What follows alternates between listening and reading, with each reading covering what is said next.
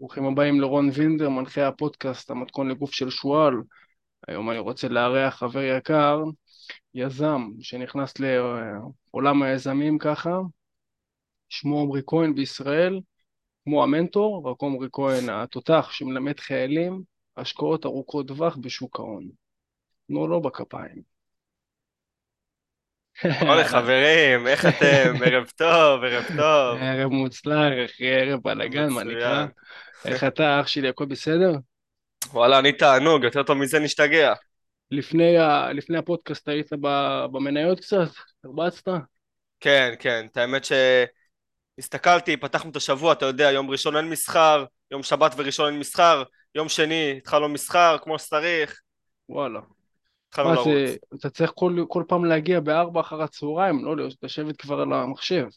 אז את האמת שזה מה שיפה בהשקעות ארוכות טווח, אני פחות ופחות יושב כל יום על המחשב, אה, זאת אומרת זה מצדיק, מצריך ממני משהו כמו שעה, שעה וחצי בשבוע לכל היותר, אה, נטו כדי להיות במעקב, לראות שהכל בסדר, אתה יודע, חדשות, כלכלה, דברים בסגנון, אה, וזה באמת מה שיפה בהשקעות ארוכות טווח, אתה לא סוחר ויושב 4-5 שעות פיזית ביום.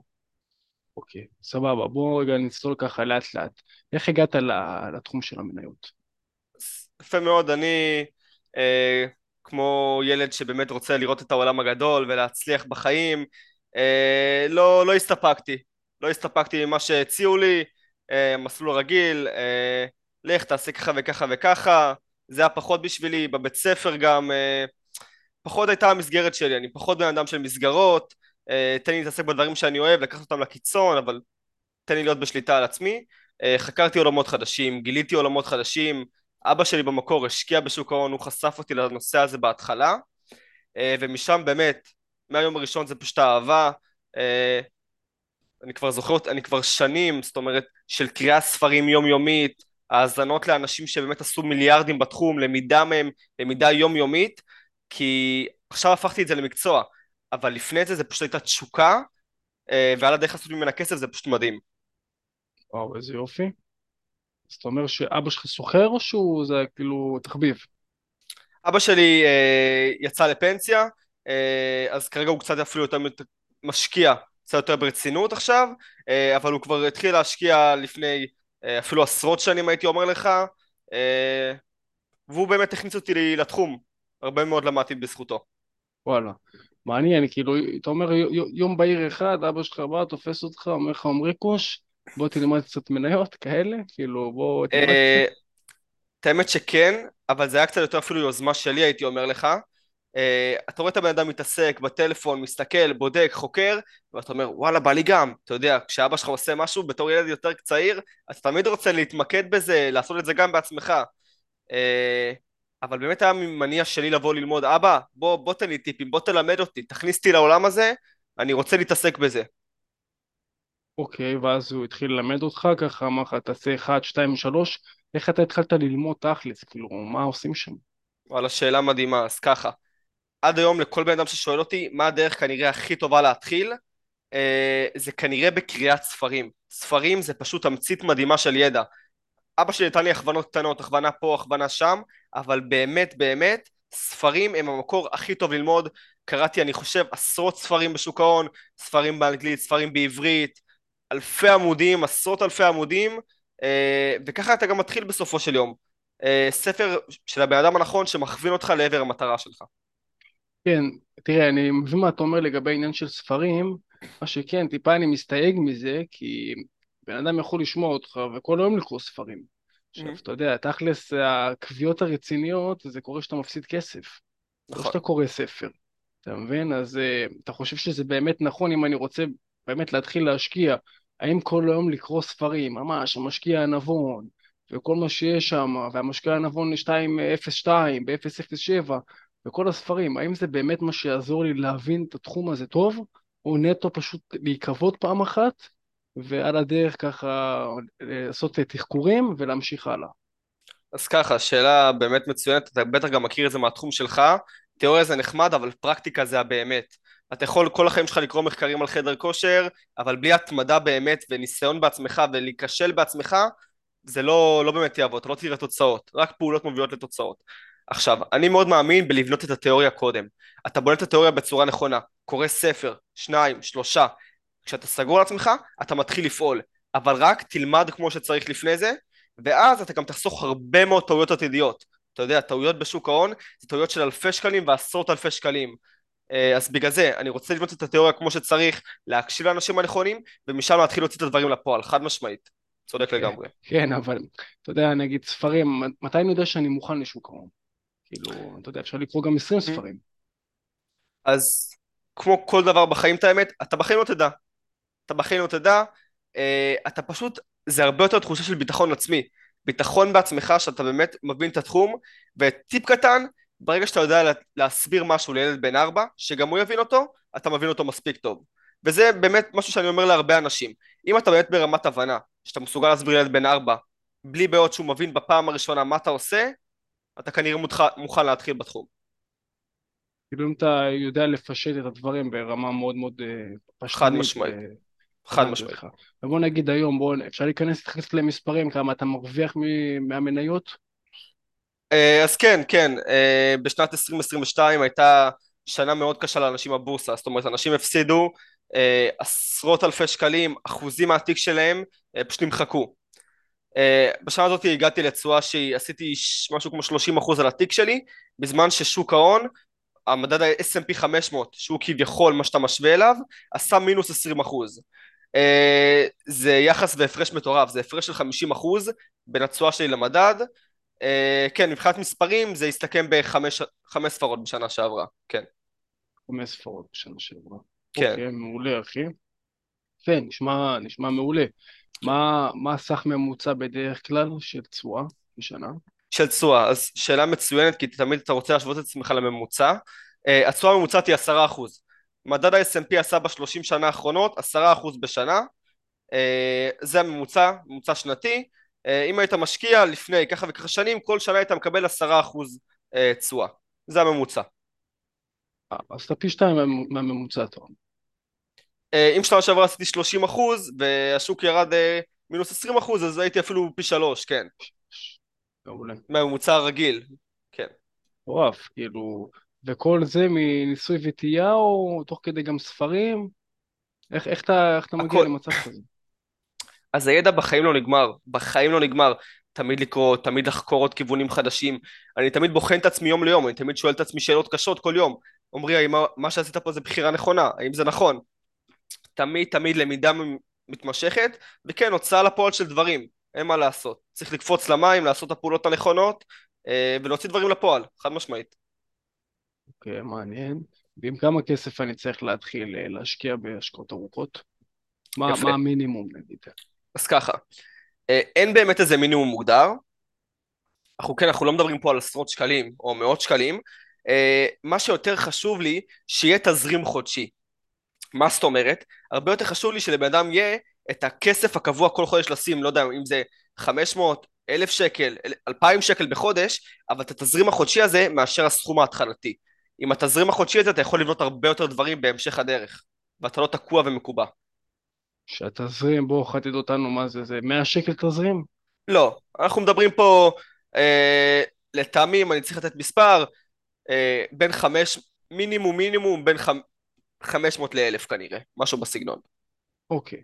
בוא תגיד לנו ככה מלכתחילה מה אני צריך לעשות, מה ההרגלים שלך, מה עושים, איזה ציוד מביאים. תן לנו להיכנס לראש שלך. בטח, בטח. מבחינת ציוד, אתה צריך מחשב או טלפון, אתה לא צריך יותר מזה, זה מה שיפה בתחום. אמ, אתה לא צריך משהו מתוחכם, משהו בסגנון, פשוט טלפון ומחשב, אה, ואתה פשוט צריך מנטליות. המנטליות זה הדבר הכי הכי חשוב שיש בשוק ההון, אתה כמובן בונה אותה במהלך השנים. הבעיה, האויב הכי גדול של משקיע זה הוא עצמו. אני אתן לך דוגמה, ברגע שאתה רואה שמניה שלך מופסדת, אסור לך לערב רגש, אסור לך להיכנס ללחץ, אסור לך להתחיל לחטוף עצבים, כי אז מה אתה תעשה? אתה תתקן טעות בטעות. אתה תמכור, תקנה משהו אחר, תעשה שטויות עם הכסף שלך. אז מנטליות זה הדבר הכי הכי חשוב שיש לכל משקיע. כן. זה, זה המלצה של אה, הרבה מאוד אנשים, שדווקא בזמן שיש ירידה, כן להישאר וכן לא, לא לעזוב, כמו, כמו הפחדנים, כי ברגע שיש ירידה, ממה שאני מבין, ככה דווקא העשירים קונים. חד משמעית, וזה גם מה שעשיתי השנה. אם השוק השנה ירד 20%, מה שאני עשיתי לאורך הירידות, המשכתי לקנות, העמסתי. אחרי שירדנו 10, 15, 20 אחוז, הכנסתי את הכמות כסף הכי גדולה שלי, ושמה באמת עשיתי הרבה מאוד כסף בדרך למעלה. מטורף, מטורף. ואתה ממש היום חי מהשוק ההון, כאילו, אתה יכול ללכת לעבוד ולהתפרנס מזה ממש? Uh, זה עוד לא המצב, uh, כדי לחיות לגמרי משוק ההון, אתה צריך באמת לפתח תיק בסדר גודל של קרוב אולי לשבע ספרות, משהו כזה, אבל uh, אתה בונה את זה לאט לאט, אתה בונה את זה, כבר כיום אני רואה סכומים מאוד מאוד יפים, אז uh, כן. כן, אני אגיד לך, אני בזמנו עבדתי במכירות, והיה שם בן אדם שהיה איתי, והמשמרות היו מתשע עד שלוש. בארבע הוא, אתה יודע, הוא טס הביתה כדי, כי התחילה הבורסה, והוא אמר לי, תשמע, אני תכלס, יש לי את הכסף, אבל אני לא יודע איך אני מתנהל עם זה לאורך זמן. איך אני אשכרה כאילו מתפרנס מזה ב, על בסיס חודשי. אתה חושב שזה פחד של משקיעים, שכאילו הם לא יודעים איך לערב את החיים עצמם ואת ההתנהלות היומיומית? א' כל זה מאוד מאוד קשה, אם אני צריך להקביל את זה, זה ממש מהמעבר בין שכיר לעצמאי. מאוד מאוד קשה אה, פתאום להפוך להיות אה, עצמאי בן רגע ולה, ולה, ולהפסיק עם השכירות.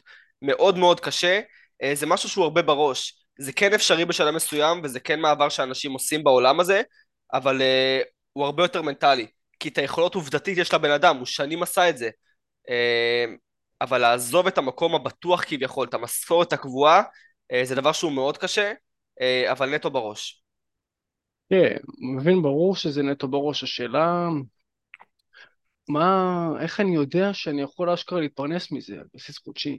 כאילו, אתה אומר, זה יפה. נטו בראש. מה, מה, כאילו, תכלס, איך אני יודע? אז חד משמעית. אה, אם בן אדם יש לו היסטוריה של רווחים, של שנים של רווחים, בוא נגיד הוא עושה בשנה 20% על התיק, שהיא תשואה מאוד מאוד יפה כבר, ויש לו תיק ששווה מיליון שקל, אז האם 200 אלף שקל בשנה זה משהו שיספיק לו? הוא צריך לשאול את השאלה הזאת את עצמו. אה, וזאת השאלה הגדולה. ברגע שזה תואם את רמת ההכנסה ורמת החיים שאתה רוצה לחיות בה, אתה יכול לעזוב.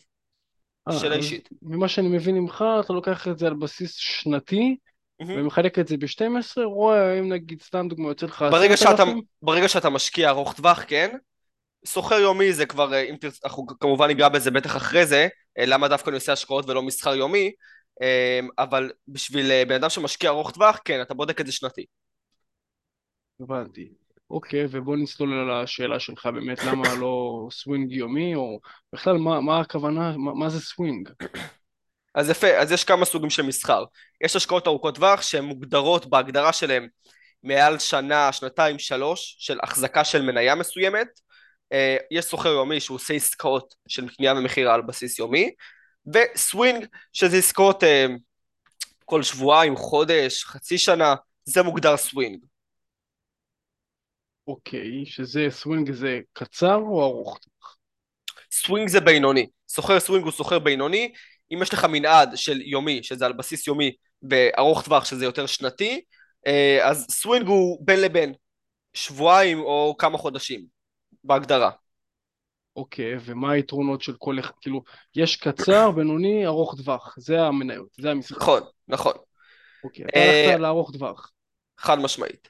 איפה הכי הרבה רווח, נקרא? אז יפה, אני אוהב להסתכל על אנשים שהשיגו הכי הרבה תשואה בשוק ההון והכי הרבה כסף. אנשים שהגיעו למצב שהם מיליונרים ומיליארדרים בסופו של יום, אה, וזה אנשים שעשו השקעות ארוכות טווח. מאוד מאוד מאוד קשה על גבול הבלתי אפשרי להפוך להיות אה, מולטי מיליונר או מיליארדר ממסחר יומי וממסחר סווינג. בגלל זה אה, לא שומעים כמעט על אנשים שעושים את הדברים האלה. זה מאוד מאוד קשה, בגלל זה אני גם הלכתי לכיוון של השקעות ארוכות טווח. כן. אוקיי, בואו נדבר רגע על הפן המנטלי. Mm. איפה יש הכי הרבה לחץ? באיזה, אז... באיזה, באיזה השקעה? ארוכה, קצרה או בינונית? אז חד משמעית בהשקעות uh, קצרות טווח.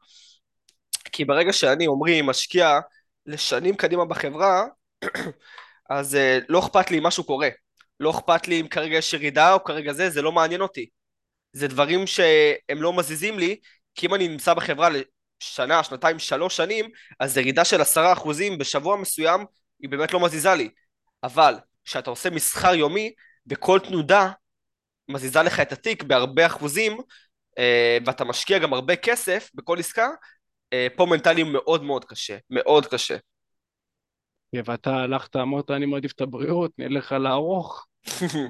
כן. מעדיף את הבריאות הנפשית שלי, מה גם, כמו שאמרתי לך, אני משקיע בזה שעה, שעה וחצי בשבוע, והוא הניב לי רק בשנה האחרונה אה, יותר מחמש, כאילו חמש ספרות, שתבין, על שעה, שעה וחצי בשבוע. וזה מה שיפה, אני יכול להמשיך עם החיים האישיים שלי, לעשות מה שאני רוצה, אה, וזה באמת היתרון בהשקעות ארוכות טווח, הן גם יותר בטוחות, גם יותר משתלמות לטווח הארוך, וגם פחות מקדישות ממך זמן.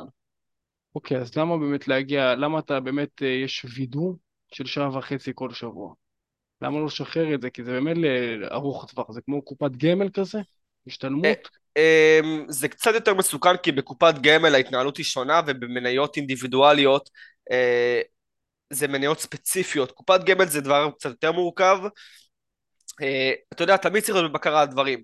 אה, אולי יש איזה משהו שקרה, משהו בהנהלה, איזה מרמה שקרתה בחברה. תמיד אני רוצה לשים עין על הדברים, להתעדכן בכלכלה, אה, דברים שקורים בכלכלה, ריביות, אינפלציה, זה דברים שגם משפיעים על צורת ההשקעה שלי, אה, תמיד צריך להיות מעודכן, תמיד צריך להיות. ואיך אתה מתעדכן? אז ככה. אפליקציות... אז אני כבר אחרי הרבה שנים של ניסיון, יש לי את המקורות שלי שאני יותר מסתמך עליהם, אם זה אנליסטים ספציפיים בחו"ל, אנשים שאני אוהב ואוהב להקשיב לדעה שלהם, אה, על מצב בכלכלה, על ניתוחים שלהם, אה, כן, אבל בעיקר חדשותית, אה, פחות מהחדשות בארץ, כי הם גם פחות מדברים כלכלה, פחות מדברים שוק ההון, יותר אה, חדשות בארצות הברית, כן. אוקיי, אחרי מי אתה עוקב בארצות הברית שככה מבין עניין? אז ככה, יש אה, אנליסט מאוד מאוד מפורסם, קוראים לו מר גומז, הוא ממיאמי, מארצות הברית, בן אדם שבאמת עשה ממוצע של 40 אחוז בשנה במשך ה... משהו כמו 20 שנה האחרונות, 25, שזה נתון מטורף לגמרי. אה, אם תיקח עשרת אלפים דולר, תעשה עליהם 40 אחוז בשנה, תוך מספר שנים מועטות אתה כבר תגיע למיליון דולר בשווי. אה, דברים מטורפים לגמרי, אז אני עוקב אחריו, מאוד סומך עליו, מעריך את הדעה המקצועית שלו בפן הכלכלי, בפן המקצועי, אה, וגם CNBC, אה, כל מיני רשתות, חבר... רשתות של אה, חדשות בארצות הברית, כן. אוקיי, ואם אנחנו הולכים על התהליך שלך, איזה תכלס, איזה דברים אתה יכול לתת לבן אדם שעובר איתך את התהליך? מ-X ל-Y, מה התהליך שאתה, איזה תוצאה אתה מוביל, אתה מוביל אותו בסופו של שלב. אז יפה מאוד. אני מוביל בן אדם מאפס ידע בתחום. אפס ידע, בן אדם שלא מבין שום דבר בהשקעות, שלא התנסה בתחום בכלל, אני מוביל אותו למצב שבסופו של יום, בשורה התחתונה, הוא משקיע בעצמו ועושה כסף אה, מהשקעות ארוכות טווח בצורה נכונה ובטוחה. אתה יודע, כבר אמרנו, טעויות בשוק ההון עולות לך אלפי שקלים ועשרות אלפי שקלים.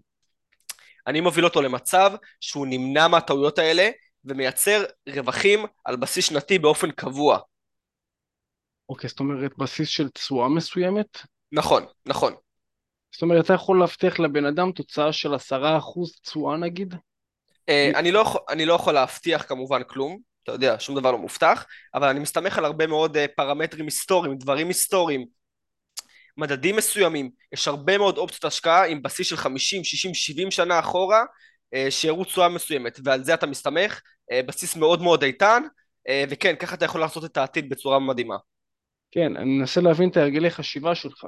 אתה מסתכל על ההיסטוריה, אומר אוקיי, הגרף מראה ירידה, מראה ירידה, אז אין סיכוי שיהיה עלייה. לפי זה אתה הולך, כאילו לפי מספר, הולך 30 שנה אחורה, שנתיים אחורה, לפי מה אתה יודע לצפות או לחזות העתיד כביכול. אז, אז יפה מאוד. Uh, אני, מת...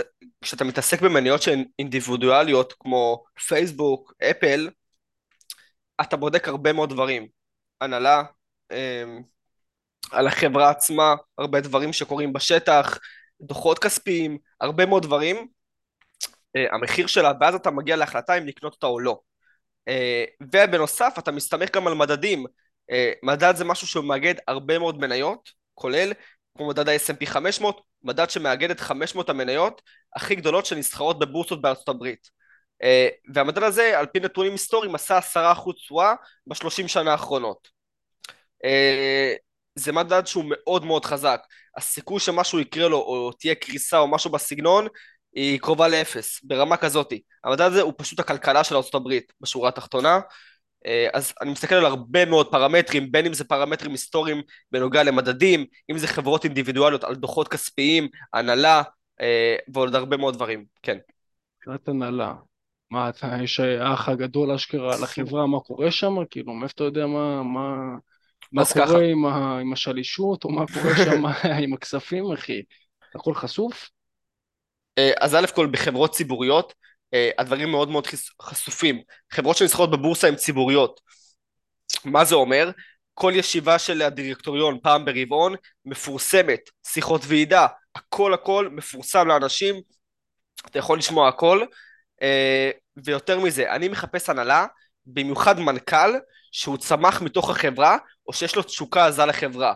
כמו לדוגמה, אילון מאסק, יש לו תשוקה מטורפת לטסלה. אני צריך מנכ"ל שבסדר העדיפויות שלו תהיה טובת החברה, לא הטובה הכלכלית שלו. אני ארצה שהוא ישרת את החברה, שהוא יביא אותה הכי רחוק שהוא יכול, ואז אני אעשה יותר כסף. מעולה. נעשה רגע איזה פאוזה ככה, שנתפוס את הצופים, ואחרי זה נמשיך איתך. איך אפשר למצוא אותך? בא, באינסטגרם? אז ככה, לי קוראים אה, עמרי כהן, 1110 באינסטגרם, גם בטיק טוק, אה, עכשיו גם התחלתי להיכנס ליוטיוב, אז אה, בכל הפלטפורמות אני נמצא, רק תחפשו אותי באהבה. יאללה, מעולה אחי, ונחזור אליך. אמרתי, נעשה איזה קומבינה אחרת, כי בדרך כלל אני אומר את ההנאה לפעולה בסוף. אבל אז יש כאלה אנשים, אתה יודע, שמתחילים לדלג, אחי, אמרתי, נעשה איזה קצת קומבינות, אחי, נראה מה העניינים. אה, תגיד רגע, מה זה אומר חברה בבורסה? איך אני רוצה, מה אני צריך לעשות כדי להיסחר בבורסה? אז ככה, אה, חברה מנפיקה את עצמה. מה זה מנפיקה את עצמה? הופכת מפרטית לציבורית. עכשיו, מה, מה היא בעצם עושה? היא מוכרת את המניות שלה, מה זה מניה? אחוזים בחברה.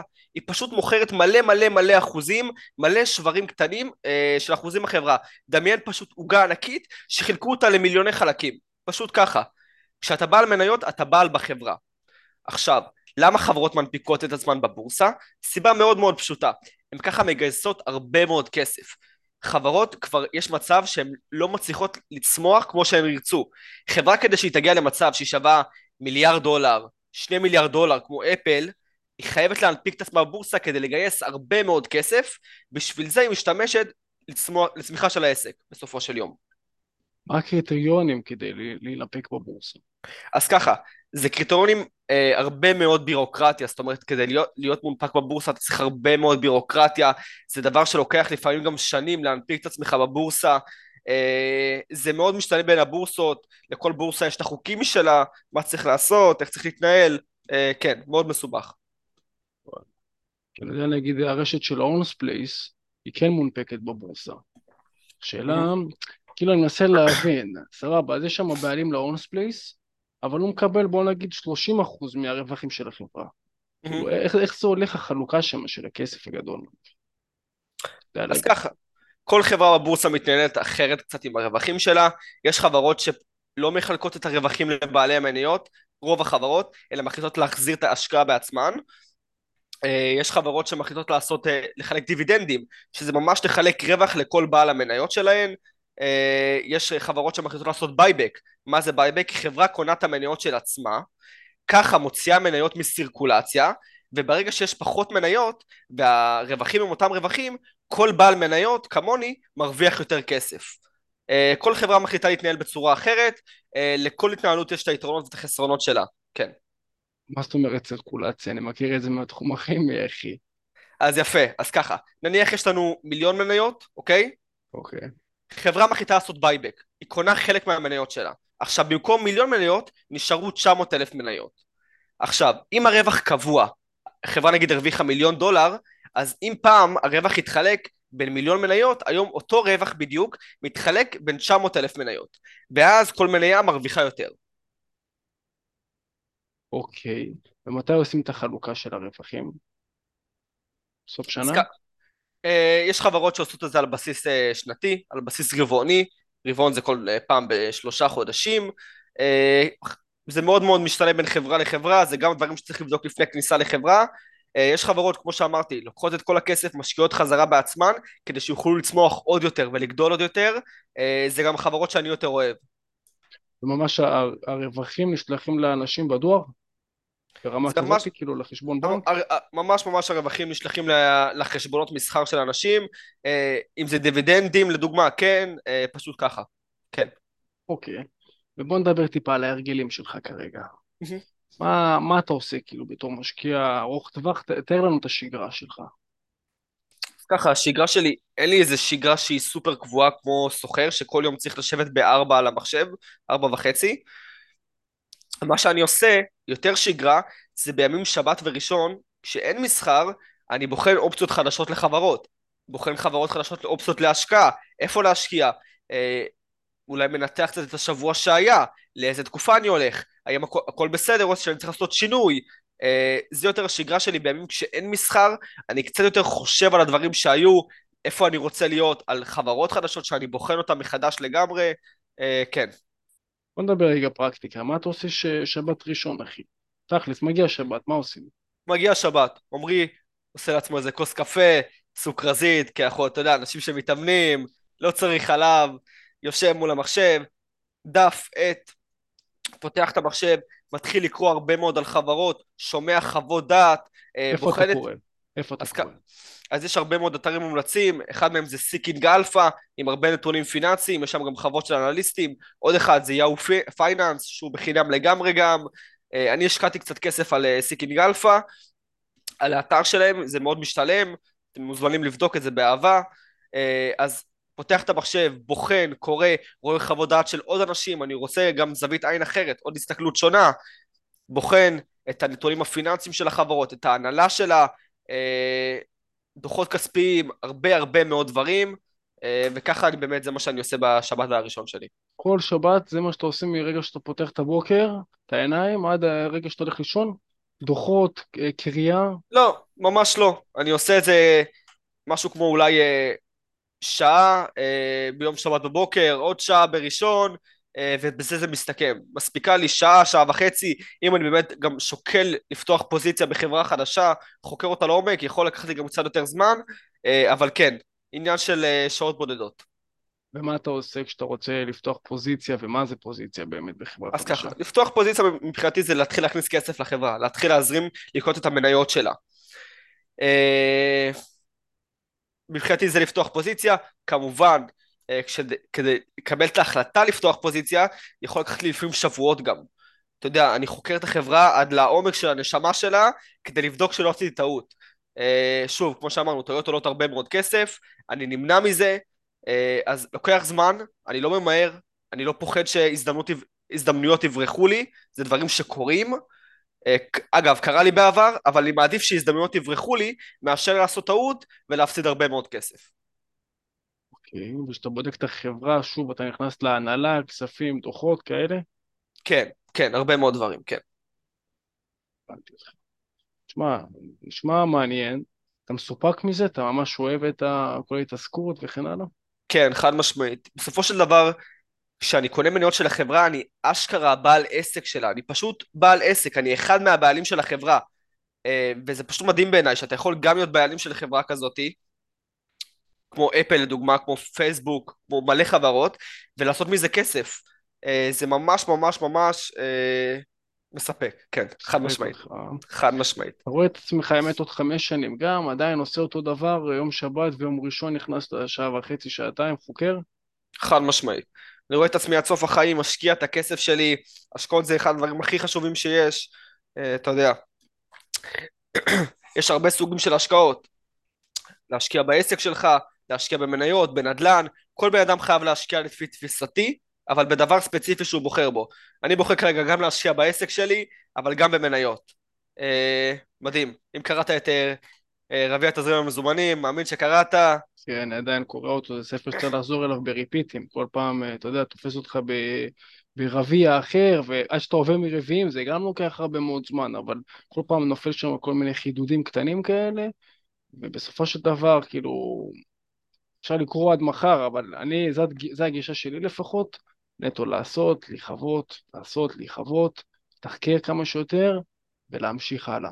נעשה עכשיו איזה סוויץ' קטן לפני, ודרך אגב ככה על התחום הזה של המסה, יכול להגיד לך שתמיד ידעתי שזה מה שצריך לעשות, אבל עד שלא שמעתי את הפודקאסט אה, של וולר ואלכס דניאל, אני ממליץ לך גם לשמוע את הפודקאסט הזה.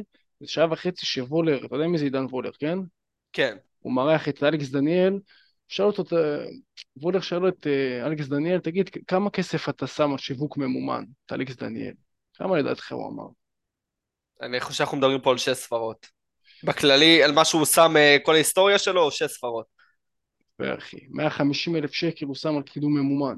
מדהים. זה, זה המשחק, זה פשוט אה, כאילו, לא משנה מה, גם אם תהיה הכי הכי טיפש, שלח, שים קצת כסף ממומן, תופיע להרבה אנשים, אתה תהיה אוטוריטה. גם הוא אמר ככה, איך קוראים לו, הדר אשוח, אה, וזה, הוא שם מיליון שקל על ממומן, אחי. מדהים. ועובדתית זה השקעה, זה ישתלם לו. כמו שאני משקיע כיום, אה, ואני אני אשכרה עוזר לחיילים לעשות כסף כשהפזם דופק, שזה מדהים בעיניי, לוקח חייל ממצב של אפס הבנה ואפס התקדמות במהלך הצבא עם החיים שלו, למצב שהוא משתחרר, העליתי לפני כמה ימים סרטון איך אני גורם בכמה צעדים פשוטים לחייל להשתחרר עם משהו כמו מאה אלף שקל, ברמה כזאתי, כמו כלום. וכמה היו אה, לפני? התחלנו עם תיק של משהו כמו 15 אלף שקל, אה, והבן אדם בסוף השחרור שלו אחרי שלוש שנים הגיע ל אלף שקל, אה, בזכות כמה צעדים שהם סופר פשוטים שכל חייל בקרבי מסוגל לעשות. שלוש שנים היה איתך. שלוש, שלוש שנים שבן אדם, זאת אומרת שלקחתי, מה אתה עושה? אתה בעצם לוקח סכום כסף חודשי, שם עליו את האחוז תשואה, ורואה כמה יוצא לך אחרי שלוש שנים. אתה מסוגל לתכנן שנים קדימה. ופשוט הראיתי לחיילים איך עושים בצורה פשוטה, תוך שלוש שנים, מהרגע שהתגייסו, מאה אלף שקל. מטורף, אחי. בטוח שהחבר'ה ילמדו ממך, ובאמת מי שרוצה מוזמן אה, לעקוב ביוטיוב, באינסטגרם, טיק טוק, עמרי כהן, איך אמרת? אחד אחד? עמרי כהן, אה, 1110, מוזמנים לעקוב, מלא ערך ותוכן חינם. מטורף. הבחורצ'יק עם הרקע הירוק, זה העמרי כן, כהן. כן, כן. מעולה אחי. יאללה, בואו נעשה סוויץ' כזה לעניין של המאסה, נעזור ללוחמים שלנו בגבולות. שדר אליי אחי. יאללה, תענוג, אז אה, שאלה מספר אחת, ואחד הדברים שהכי מעניינים אותי, אה, מה הבעיה מספר אחד שאתה נתקל בה בעבודה עם הלוחמים שלך? זאת אומרת, אם זה משמעת עצמית, שעות שינה, חדר אוכל, מהי הבעיה מספר אחד שאתה יכול לשים עליה את האצבע? אה, בואו רק נשים את האמת על השולחן קודם. אה, הנישה של הלוחמים, כשאני לקחתי על עצמי, זאת נישה חדשה, עבדתי עם, אה, עם אחד שהוא עושה יומיות, והוא גם עכשיו נכנס לבסיס סגור, אז ככה עדיין לא התחלתי לעבוד פרוקר, פרופר עם חיילים, אני, אתה יודע, אני תמיד בן אדם שהוא אמיתי, אבל אני יכול להגיד לך בתור בן אדם שאני הייתי לוחם, וגם דיברתי עם לוחמים שלא מזמן השתחררו. הבעיה מספר אחת של אנשים, אה, שהוא לא מביא מספיק אוכל לצבא. זה אחת הבעיות, אחי. תשמע, צבא זה צבא, אין מה לעשות, יש שם מאכלים מוגדרים, בין אם זה ארוחת בוקר, ארוחת צהריים, ארוחת ערב. אתה חייב להביא תוספים. אתה חייב, לא בהכרח תוספים עכשיו אה, להביא, אולי גם מפקות, אבל צריך להביא חומרי גלם. צריך להביא דברים שאפשר לעבוד איתם. אם זה לקחת אה, טחינה לחיצה. יש טחינה, ממש פטנט כזה חדש, שאפשר לקחת את זה לצבא. באופן כללי, כאילו זה נייד, לא רק לצבא. אם זה טחינה. אם זה לקחת חמת בוטנים, לארוז את זה טוב טוב, חמת בוטנים B&D זה נקרא, חמת בוטנים טבעית, להרביץ. כל כף זה 150 קלוריות. מטורף. אה, כן,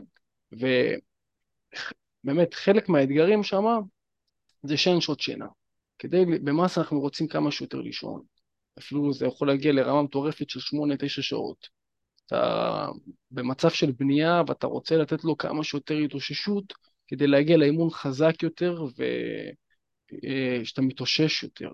עכשיו בצבא, בוא נהיה ריאליים, אי אפשר להגיע לדברים כאלה, הכי הרבה שתגיע זה חמש-שש שעות וגם זה אני נסחף, וגם זה לפעמים לא ברצף, אבל צריך לעשות מהלימון לימונד, אחי, בשורה התחתונה. נכון. זה, זה כרגע מה, ש...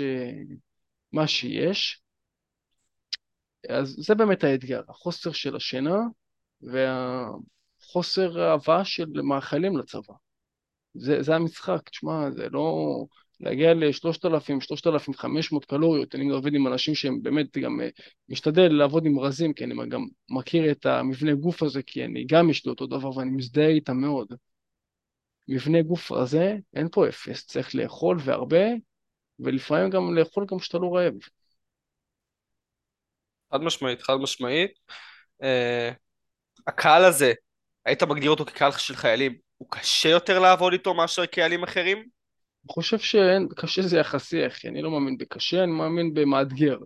כן, פייר חד משמעית, בן אדם, בוא נגיד בטירונות, אתה יודע, קשה מאוד, בתור אחד שהיה לוחם באיסוף קרבים, אה, יחמ"ם, 869, מי שמכיר בקהל, אה, אתה מאוד אה, מדוד, אתה מאוד בלוזים, אתה מאוד מטורטר, אתה, יש לך הרבה מאוד אתגרים. שם זה טיפה יותר מקשה. יחד עם זאת, אחרי זה אתה מגיע לקו. בקו אתה כבר, יש לך יותר זמן פנוי. אבל אה, כן, זה, זה מאתגר לעלות במסה בצבא, ומצד שני, אתה במילא כאילו אין לך שפם, אין לך זקן, אין לך שיער, נשאר לך גוף, אתה מבין? עכשיו, אני יכול להגיד לך, אני, אני אישית התחלתי לעבוד בצבא. אני לא ידעתי כל כך את העולם הזה, ידעתי שנחמד וזה משקולות, ככה נחשפתי לזה לאט לאט, ראיתי כל מיני אנשים, אומרים לי תעשה קצת פולי, תעשה פה, כזה היה לנו איזה בוטקה כזה קטן, איזה, אתה יודע, איזה מכולה כזאת עם כמה מתקנים ומרביצים. ואז אתה נחשף, ותשמע, היום אתה רוצה להיות, אתה רוצה להיות מסיבי על המדעי א', אתה יודע, גם זה כן. התחום הזה שהפיק של הביטחון עצמי, אתה יודע, באמת, כאילו זה עכשיו אה, קצת נצא זום אאוט פסיכולוגיה. פעם חשבת למה מגייסים אנשים בגיל 18 ולא בגיל 30? אולי כי הם פחות בנויים מבחינת הראש שלהם, פחות סגורים על עצמם? בדיוק. יש שם איזה עניין שהם פחות מפחדים, אין פחד. הם עושים כן. מה שהם רוצים, הם, אה, אתה יודע, מסתערבים, פשוט אין שום פחד. זה קצת, ש... קשה, זה קצת קשה להגיד, אבל אין להם מה להפסיד, לילדים בני 18. בדיוק, אין להם מה להפסיד, ואני חושב שיש איזו בלוטה במוח, אצטרובל או משהו, אם אני לא טועה, שפשוט היא, היא לא, או ש... לא יודע, יש שם איזה חלק שפשוט לא עובד. כאילו, וזה יפה, כי אתה מבין, אנשים הרי לא סתם הולכים לסיירות ופה ושם, ואני גם הייתי באמבושים, ותן לי, ופה ושם, היום אומרים לי מילואים, אני, וואלה, אתה יודע, אני נרתע, אחי.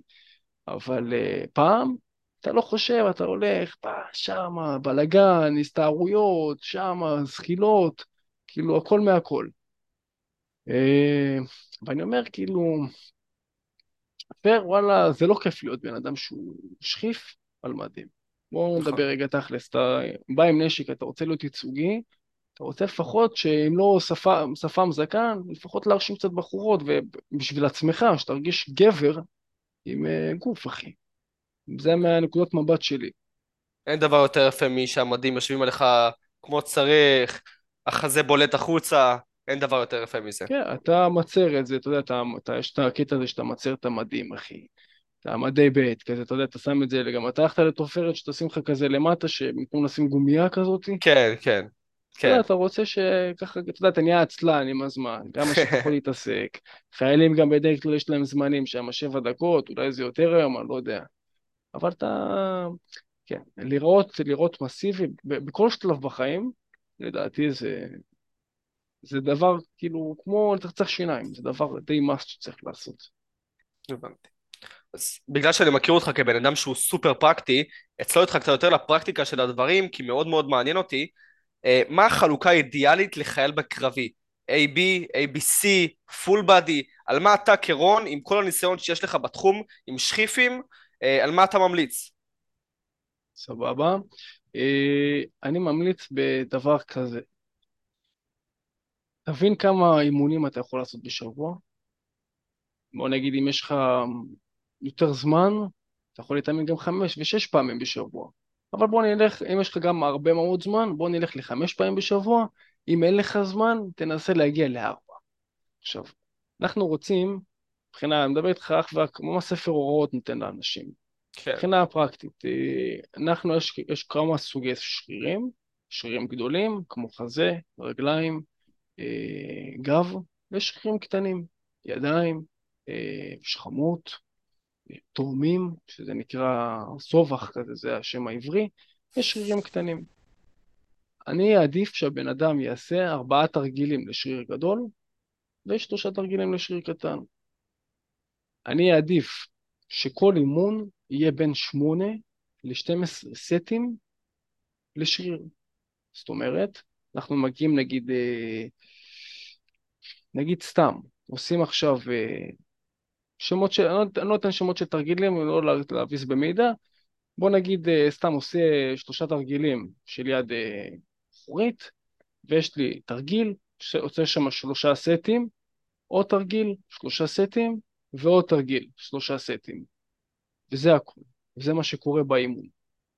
זאת אומרת, זה שריר אחד, ואז אחרי זה אפשר גם לעשות עוד שריר. אנחנו נרצה לחלק את השרירים בצורה שהיא split, אני לא ארצה לעבוד על full body, mm-hmm. נרצה split, ככה כל שריר אני אתן לו את, ה, את החלוקה שלו, זאת אומרת את, ה, את הזמן שלו ואת המיקוד שלו. אה, הייתי מציע לבן אדם ממש לרשום את כל ה... בקיפס, בגוגל קיפס או בפתקים, את כל, הש, את כל, הס, את כל הסוגי שריר שיש, וזה כתפיים, רגליים, חזה, אה, ידיים, גב ורגליים, אמרתי? אמרת. אוקיי, רגליים, כתפיים, רגליים, כתפיים, אה, ובטן, שש זה בטן. Mm-hmm. עכשיו, כל פעם אנחנו פשוט נחלק אותו, אני ארצה לשים ביום אה, שתי סוגי שרירים עד שלוש, כאילו זה הכי הרבה. ולהתחיל לחלק את זה, ממש לעבוד על זה. עכשיו יש כל מיני חלוקה של שרירים, הרי כשאתה עושה נגיד, אה, חכה רגע, לפני שאנחנו צוללים, כל תר... אני מעדיף שהבן אדם תמיד תמיד יעשה יותר תרגילים מורכבים מאשר תרגילים פשוטים. זה הגזר דין של בן אדם שהוא רזה. וואלה. זה, כן, אין מה לעשות, זה חלק מהעניין, אתה רוצה הרי, אתה רזה, אתה בוא נגיד שחיפון, מקל, לא נעים, לא כיף, צריך לעבוד קשה יותר. חד משמעית. יש לך גם יתרונות, יש לנו גם יתרונות, אנחנו אם אנחנו רוצים אנחנו בשני המרזים, אז זה כיף לנו.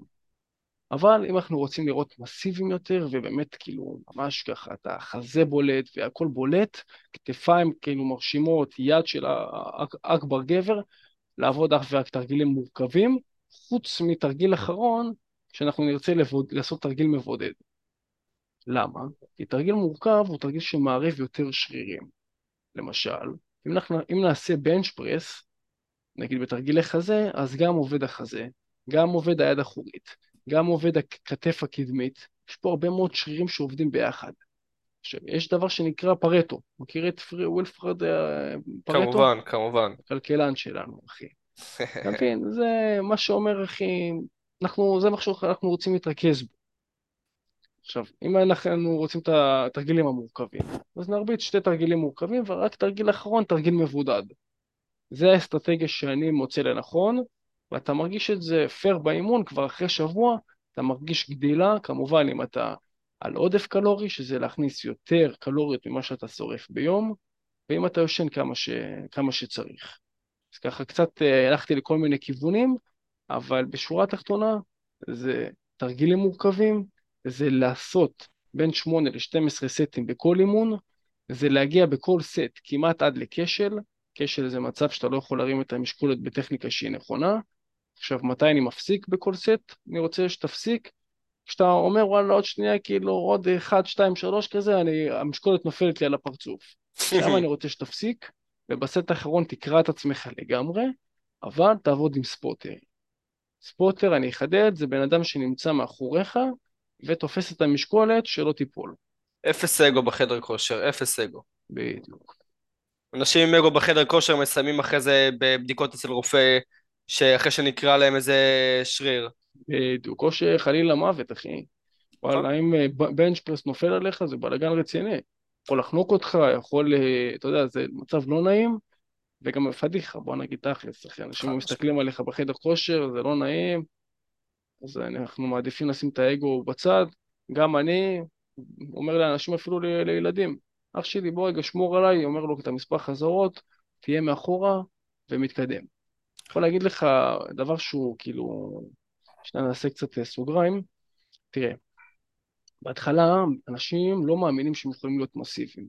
אתה יודע, יש כזה נער שעובר, ויש אחד שנמצא בגדה האחת של הנהר, ואחד שנמצא בגדה השנייה. והאחד שנמצא בגדה השנייה זה הבן אדם המסיבי. הוא מבין שכל הגנטיקה וכל הסיפורים שהבן אדם מספר על עצמו זה סתם חרטות, אפשר להגיע לכל מקום, אבל הוא פשוט לא מאמין בעצמו. אז הקיצור דרך הכי הכי גדול זה לעשות את, את התרגילים המורכבים. כמה שזה לא כיף, כמה שזה דורש ממך באמת לעשות בנץ' פרס, או לעשות תרגיל עם מוט עם חזה תחתון, זה לא כיף. אבל בסופו של דבר הדברים אפשריים, ובאמת, כאילו, אני ההוכחה לזה. כמובן יש לי עוד הרבה מה ללמוד ועוד הרבה מה להגיע, אבל אפשר. וחלק מהדברים באמת, לא מזמן העליתי על זה איזה סרטון, שראיתי שבאמת זכה להרבה צפיות, כי הייתי שם באמת אותנטי, ותכלס דיברתי מה, ש... מה שלי עזר כשהייתי בתחילת הדרך. לא הסתכלתי על תוצאה סופית, הסתכלתי על איך אני עולה את המספר חזרות, איך אני כל פעם מנצח את עצמי יותר. זהו אחי, לא אה, באתי ולא עשיתי שם כל מיני שטויות, ותמיד עבדתי נכון, תמיד אה, השתדלתי להבין את החוקי תנועה, את, את, להרים את המשקולת בצורה שהיא נכונה, לשלוט בתנועה. בקיצורי דרך האלה, אתה יודע, כל ה... כל ה... אתה יודע, ה, לקחת אה, דחיפה ו, ולקחת כל מיני דחיפות כאלה שלא, שלא מערבות את השריר הספציפי, בסופו של דבר יכול לגרום לפציעה ורק ירחיק אותך מהיד. זה פוגע בעצמך בסופו של דבר. פוגע בעצמך. בדיוק.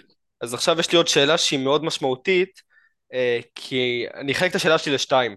אני רואה הרבה מאוד חיילים אה, משתמשים בהרבה מאוד תוספי תזונה במהלך הצבא, כי קשה להם להגיע לערכים. בין אם זה אבקת חלבון, גיינר אה, וכו'. אז האם אתה בעד גיינר? כי מבחינתי לפחות זה הרגל שהוא קצת שלילי. לדחוף את הקלוריות שלך בתור משהו שהוא מתועש בסופו של יום, שהוא לא מזון אמיתי, והוא גם עולה הרבה מאוד כסף. צודק, צודק אחי. תראה, כל העניין של המסה זה דורש קצת חשיבה. לא יותר מדי, אבל קצת חשיבה. איך זה בא לידי ביטוי? צריך אשכרה לפתוח אקסל, פשוט לעשות רשימה ידנית, ולראות אם אתה מגיע לכמות קלוריות שלך ביום. אתה יודע, הכי קל זה לעשות פרי סטייל, אני אביא גיינר, סבבה, זה עוד איזה אלף קלוריות, אלף חמש מאות, אז אני מאמין שאני אגיע לעודף קלורי. אני יכול להגיד לך שאני לא, לא מכניס שום אבקה ביום, עכשיו, שום אבקה, גם לא אבקת חלבון, ואני מגיע ל... ל בוא נגיד 2,800 קלוריות. אתה יודע, אני מטר תשעים ושתיים, הכל בצורה שהיא, שהיא ממש בלי שום אבקה. עכשיו, איך זה בא לידי ביטוי? כי אני לא עצלן. אני שנייה רגע עושה את ה... או כמו שאתה עושה את השעה הזאתי, אז אני לא עושה שעה, זה כבר תפריטים שכבר אני יודע מה אני צריך לעשות לחיטוב, למסה, לתחזוקה, הכל אצלי מסודר. אבל אשכרה בהתחלה, מי שרוצה באמת אני יכול אה, לשלוח לו את האקסל הזה, אקסל נגיד של מצב של אה, מסה או תחזוקה, זה דברים שלי עבדו ומה שלי עוזר, אבל הוא יכול לקחת רעיונות ובאמת אה, לקבל כל מיני כיוונים ולראות איך אני בונה את זה. ולהבין האם דבר ראשון לפני זה אני נכנס למחשבון שנקרא TDEE, calculator בגוגל, אני פשוט רושם את זה, ואז הוא מראה לך כמה קלוריות אתה צריך להכניס. ואז אתה מגיע נגיד, אתה רוצה לעלות, לעלות במסה, אז אנחנו נרצה ללכת לחצי קילו עלייה בשבוע. אז הגענו נגיד, סתם דוגמה, ל-2,000 קלוריות. אז אוקיי, אז בוא רגע נתחיל לראות האם אני מגיע ביום-יום, כל היום, ל-2,000 קלוריות. כאילו, בוא שנייה רגע, לפני שאנחנו קונים את כל התוספים, את כל החרטות, אחי, כי התוספים זה בסוף של הפירמידה. מה שקובע זה העניין של האוכל, התאוששות, אימונים, ורק אז התוספים. אז שנייה, בוא רגע נעשה רגע זום אאוט, נבין כמה קלוריות אני באמת צריך, בוא נבנה לעצמי איזה טבלת אקסל, נכניס, ממש נכניס את כל הדברים שאנחנו אוכלים כרגע, אם זה בצבא. לקחת ככה לשער בערך, כן? ואז להגיע למספר מסוים. האם המספר הזה הוא אותו מספר מה שרשום לי בגוגל, ב calculator הזה שנכנסתי. אם יש פה 2,000 ופה 2,000, מעולה, אתה במשחק. אבל אל תלך, אתה יודע, לקיצורי דרך, ל gainer, שה gainer עצמו הוא גם, הוא junk food לכל דבר, כי הוא מאוד נכון. מתועש, יש שם סוכרים, יש שם שומנים, בוא נגיד יש שם 17 כפיות סוכר אם אני לא טועה, והממוצע הצריכה היומית לגבר היא רק 9, אז אתה כבר עובר את, ה, את הממוצע, וסוכר יש לו כל מיני קשרים, כל מיני מחלות למיניהם שאנחנו רוצים להימנע מהם. אז אני אומר, שנייה, או שתעבוד עם איש מקצוע, או שתלך ותעשה את זה לבד. אל תהיה עצלן, אחי. בסופו של דבר זה פוגע בך, וחבל על הכסף. כי עדיף שנייה רגע להתרכז חצי שעה, שעה, לעשות רגע את זה מסודר, עם, עם חלוקה של אחוזים, אם תרצה, אני אכנס לזה, של מה צריך מכל דבר, מפחמימה, משומן, מחלבון, תעשה את זה, תראה אם אתה מגיע, ואז מתחיל, ה... ואז מתחיל האקשן, ואז מתחיל התהליך באמת, הבדיקה. האם אני באמת עולה כל, האם אני באמת עולה כל שבוע? אני לא מסתכל ברמה היומית, אני מסתכל ברמה השבועית. אני עושה ממוצע, אני לוקח, אני רואה, ואז אני עושה לאחר שבוע עוד פעם ממוצע, ואז אני מסתכל האם יש שם עלייה. אם יש עלייה מעולה, אתה במשחק. אם אין עלייה, אתה לא במשחק, אח שלי. תעלה עוד קצת אה, פחמימה, תעלה עוד קצת שומן. העלית נקודה שהיא מאוד מאוד נכונה, שאני גם מאוד מאמין בה. הרבה מאוד אנשים, תשמע, הכל אפשר לעשות לבד היום, הכל נמצא באינטרנט, הכל. אבל רק הטעויות שאתה תעשה בעצמך, שאתה לא תשקיע על הידע, על העזרה המקצועית וההכוונה הנכונה, יעלו לך הרבה יותר מהכסף שתשקיע על הליווי או על ה... מה, ש... מה שזה לא יהיה. אנשים הרבה אוהבים להגיד, לא, אני מספיק גבר, אני אעשה את זה לבד. זה לא עובד ככה. אה, עובדתית, עובדתית, אם תיקח אה, איש מקצוע שכבר הצליח ועוד ליווה הרבה אנשים בעצמו, הסיכויים שלך מכפילים ומשלשים את עצמם כדי להצליח באותו דבר. אה, ואני מאוד מסכים עם זה, מאוד צודק. מסכים איתך גם, תראה, אנחנו יכולים להגיד מה שאני ואתה, אנחנו יודעים תכלס של ליווי בכל דבר שהוא, הוא עוזר לך באמת אה, זה השקעה, זה פשוט מהר. השקעה בסופו של יום. זה השקעה, אני חושב אבל שלא משנה מה נגיד, זה ברגע שיש תסכול. שאלה כמה אדם מתוסכל, אחי. בואו נדבר רגע שנייה בלי חרטות ובלי שטויות.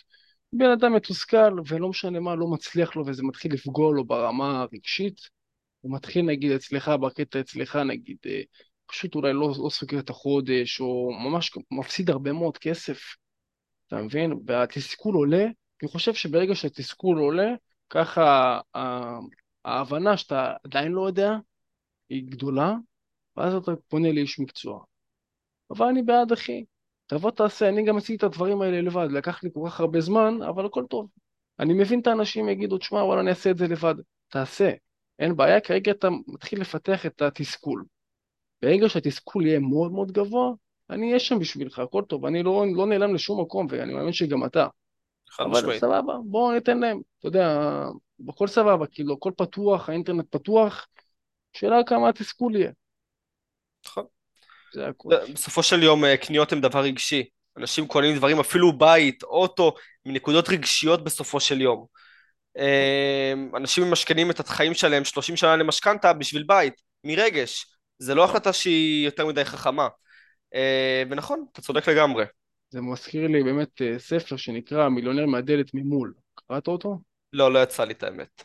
האמת, אני קראתי אותו קצת באנגלית, האנגלית שם היא קשה, זה כמו רביע תזרים המזומנים, אומנם אני קורא אותו בעברית, אבל זה כאילו, אתה רואה שזה... התרגום, כאילו הספר הוא באנגלית, האנגלית שם היא לא הכי ככה זורמת, אז זה קצת אה, שעמם אותי באנגלית, אני צריך לקרוא אותו בעברית, אבל בהתחלה שלו הוא אומר מה המאפיינים של מיליונרים. ואתה רואה באמת שחלק מהמאפיינים זה לחיות פחות מהממוצע, זה לא, זה לחיות פחות מה, מהאמצעים שלו, זאת אומרת, אה, כדי לחסוך את ההון. זה לא, אתה יודע, לא... לא עכשיו להתיימר עם אה, כל מיני אה, אה, מרצדס ולמבורגיני וכל מיני מכונות פאר. המרצדס והלמבורגיני יגיעו, פשוט בזמנם. אנשים לא מבינים שוויתורים קטנים שהם עושים היום, אלף שקל, שזה, מה זה אלף שקל? זה שתי יציאות של מישהו לשלוותה? האלף שקל האלה, עוד עשר, חמש עשרה שנים מהיום, אנחנו מדברים פה על שש ושבע ספרות בסופו של יום, אם אתה משקיע אותם בצורה נכונה. נכון. ובאמת אם אנחנו, בוא, בוא רגע נדבר שנייה על, ה, על ההקרבות, כאילו, כי יש כן. פה עניין של הקרבות. מה אתה בתור עומרי מקריב, אחי, שאתה בתחום הזה של השוק ההון?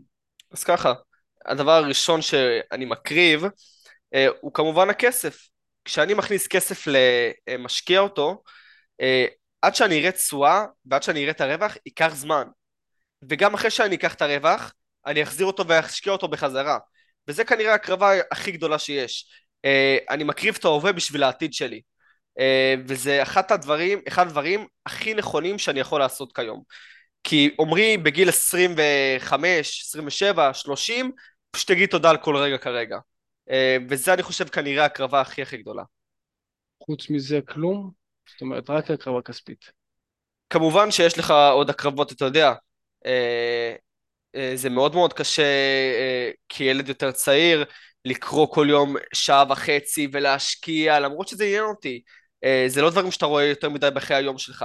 להקריב מהזמן שלך, מהאנרגיה שלך, בשביל עתיד טוב יותר. אבל אין מה לעשות. אתה מקריב את ההווה בשביל העתיד, וזה אחד הדברים שאני הכי מאמין בהם שיש. עולה כל הכבוד. באמת אני רק אגיד לחבר'ה שמי שרוצה באמת לקבל עוד ידע ממני, אם זה בתחום של הפיתוח גוף, מוזמן לעקוב אחריי באינסטגרם רון וינדר, ובאמת לראות שם כל מיני תכנים שאני לא מעלה לשום מקום. ואם אני לוקח את התחום הזה של הקרבות אליי, זה וואלה, פייר, אני, אני פחות, גם אמרתי את זה לחבר'ה, אני נכנס פעם אחת לוואטסאפ, אמנם לקבוצה שלי בוואטסאפ אני נכנס יותר כדי לעדכן שם ולעזור לחבר'ה, אם מישהו רוצה גם מוזמן להצטרף, יש שם מעל 220 גברים שכולם נשלח שם טיפ שאני לא שולח בשום מקום, אז זה מהבחינה של הוואטסאפ. אני יכול להגיד שחלק מהקרבות זה, אני פשוט עושה פעם אחת סבב לכל הוואטסאפים, ואז אני פחות מוסך דעת. כי לפעמים אנשים אומרים אין לי זמן וכל מיני חרטות. השאלה מה אתה עושה אחי עם, עם הזמן. כאילו לכולם יש אותם 24 שעות. גם ו... לי, גם לאילון מאסק וגם לעמרי כהן ממועדון היזמים, יש 24 שעות ביממה. אתה בוחר לאן, לאן לנתב אותן. נכון. חד משמעית אחי. זה רק חלק מהקרבות, יש עוד אחי, אבל אם יש לך עוד שאלות אני אשמח לענות עליהן. אז כמובן, אז מקודם נגענו בתוספי תזונה, אה, אז אמרתי שאני אחלק את השאלה שלי לשתיים, אז הראשונה הייתה לגבי גיינר ואבקת חלבון, ויש אה, תוסף תזונה שתופס הרבה מאוד. תאוצה גם בשנים האחרונות, אה, קרטין, מאמין שאתה מכיר, הייתי שמח לשמוע את דעתך הכנה על, על התוסף הזה.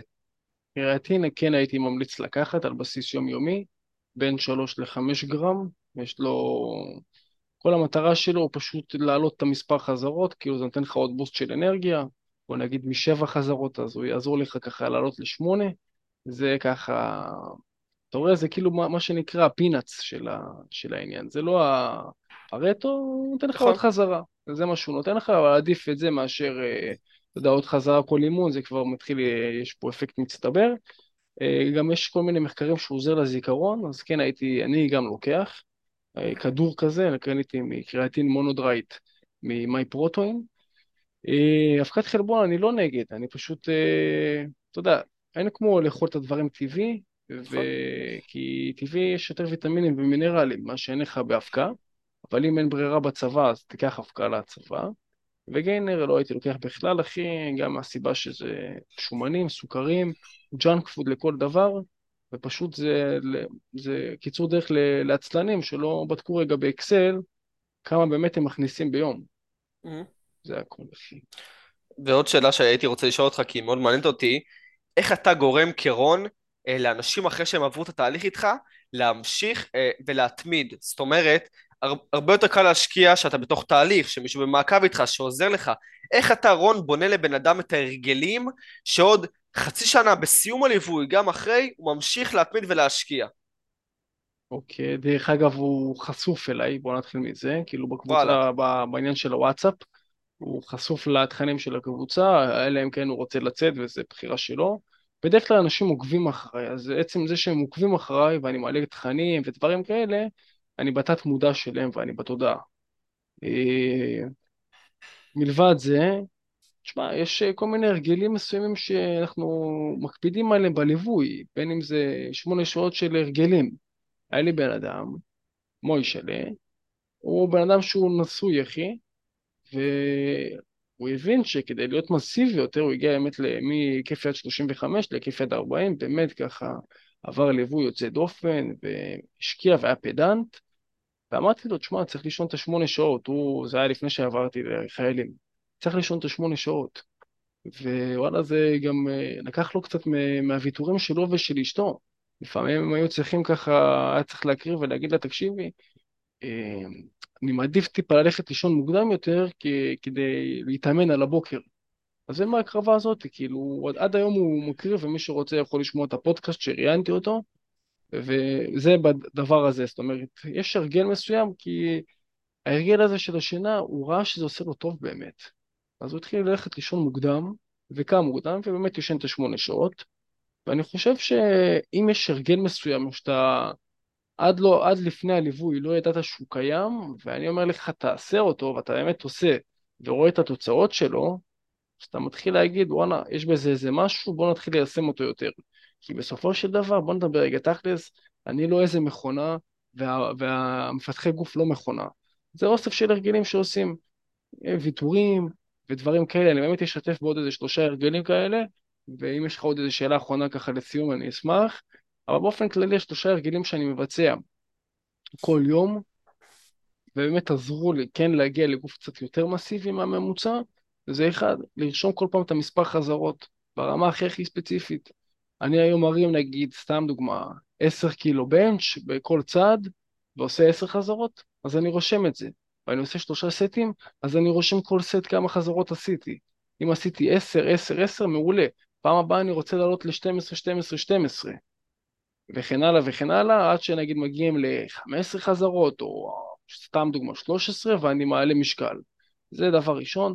דבר שני, גם שיתאים ללוחמים, הייתי מקפיד על, הייתי עושה את ההרגל הזה שנייה רגע, להבין שאני באמת מכניס את כל הכמות של התפריט שאני רוצה, נכנס ל- TDEE calculator, לאתר הזה, מסתכל מה, מה המספר קלוריות, ופשוט עושה חישוב של כל הקלוריות, כמה אני באמת מכניס היום.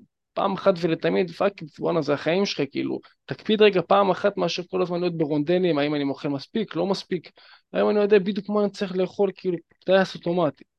והדבר השלישי, שככה, בוא נגיד רוב האנשים לא מכירים, ואני אתן על זה את הדגש, זה להוריד אפליקציה שנקראת בטא אימוד או קלוק, באיזשהו שלב, כאילו, האפליקציה מפחיתה לך את הדופמין.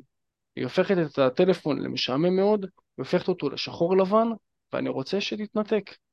ת, תגדיר לעצמך כחוק לא להיכנס לאינסטגרם, אה, טיק טוק והדברים האלה, כי יש שם כל מיני דברים שמגדילים לך את הדופמין, ואנחנו רוצים לפני שנה דווקא להירגע, כי גם במסה אנחנו צריכים להיות כמה שיותר רגועים, כי יש שם הורמון שנקרא קורטיזול, הורמון הלחץ. ברגע שיש לנו הורמון הלחץ, הוא משפיע על הורמון הטסטוסטרון הזה, הוא משפיע עליו, וברגע שהוא משפיע הוא יחסית מנטרל אותו ומפחית אותו. ואנחנו דווקא נרצה שבמסה כמה שיותר ההורמון הזה יצטבר, כי זה גם מה שנותן לנו את הגוף המסיבי.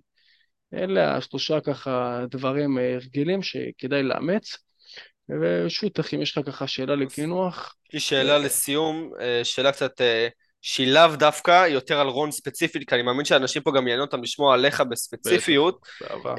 אז מה הסקיל שאתה חושב שלעסק ב-2023 הוא הכי חשוב? שיווק, מכירות או networking דווקא? אם היית צריך לשים את היד על משהו ספציפית, מה אתה חושב ה skill הכי הכי חשוב? סבבה, בואו נגיד ככה, אני, יש לי את ה business שלוש שנים כבר, אני חושב שאני עדיין לא עשיתי את זה במאה אחוז, וזה רק מראה לך שכמות הזמן זה לא פרמטר, זה כמות הפעולות שאתה עושה, mm-hmm. ואני חושב שאם אתה מחזיר אותי אחורה, גם זה מה שראיתי תכלס תוצאות, פשוט צריך אה, נטו לשים את כל השלטונים עליך. בעידן של היום, עם כל מנטור שצץ ודברים כאלה, ויש כאלה שהם באמת אה, סוסים ודברים כאלה, והם באמת מטורפים, אבל זה לא משנה, אתה סופרים אך ורק מי שמשלם כסף. אז כמו שאמרתי לך בתחילת הסרטון עם אלכס דניאל, ככל שתשים יותר כסף ותשים עליך all in, לא חרטות, לא לשים 50-100 אה, שקל לראות אם זה עובד. כמובן, לעשות A-B testing ודברים כאלה, אבל כל חודש לשים עליך כסף ממומן עם שיווק, ולא לפחד מביקורות רעות, ולהאמין בעצמך, ולשים עוד 100 ועוד 200, ולהגיע לאלפים של ממומן. אך ורק זה, ככל שיהיה יותר חשיפה, יש יותר קנייה, ויש יותר, אה, בסופו של דבר אנחנו לא באנו לכאן להיות, אה, לפחות אני יכול להגיד לך עליי, זה לא העסק היחידי שאני רוצה לעשות, אני רוצה להיות הבעלים שלו ובהמשך לססטם אותו, כי אתה יודע, לעשות, אה, ש... הפן השירותי פה, פייר כאילו זה לראות אם הבן אדם עמד ב... בממוצע השבועי, לא עמד, כאילו כל פעם אותו, אותו דבר כזה, זה רוטינה, ואותי זה משעמם. אני אין לי בעיה להרצות על הדברים, ככה לתת כל מיני זוויות וזה, אבל בהמשך, אחי, החברה, המתכון לגוף של שועל, היא תהיה מסוסתמת ברמה מאוד מאוד טובה, בשביל זה צריך להניע בשיווק. ובאמת, כאילו אני אומר, בשבילך ובשביל כל, אם באמת בעלי עסקים שומעים, זה נטו צריך לשים כסף וערימות של כסף על השיווק הממומן. הבנתי אותך. בסדר, אלוף, אני באמת שמחתי לדבר איתך, אתה נשמע לי באמת מקצוען, עומרי אח, באמת אה, תודה נהניתי תודה מאוד, רבה. בכיף, בכיף, אחי. אני מאחל לך האמת שתקרא הרבה סטטיסטיקות של אה, חברות, תדע לאפיין, תדע לעשות פוזיציות וכל הדברים האלה. באמת ספר אחרון ככה לחבר'ה, אתה, מה, מה, מה אתה ממליץ להם לקרוא אם הם רוצים אה, להיכנס לתחום? אז זה לאו דווקא הספר הראשון שהייתי רוצה, אבל הספר הכי הכי חשוב שתקראו כנראה בתחום, הוא יהיה אה, ספר שנקרא חוק מספר 1, אה, ספר ששינה את כל הצורת חשיבה שלי לגבי השקעות בכללי, אה, ופשוט מלמד את הדברים בצורה סופר סופר פרקטית. אז כן. מטורף. של איזה, מי הסופר? אה, אני שכחתי את השם שלו בכל מקרה, אבל אה, כן, ספר מדהים. מעולה, אח שלי. יאללה, בכיף, אחי, תודה רבה באמת על הזמן, ויאללה, ניפגש בפרקים הבאים, חברים, תודה רבה. תודה רבה חברים. ביי, להתראות, ביי ביי.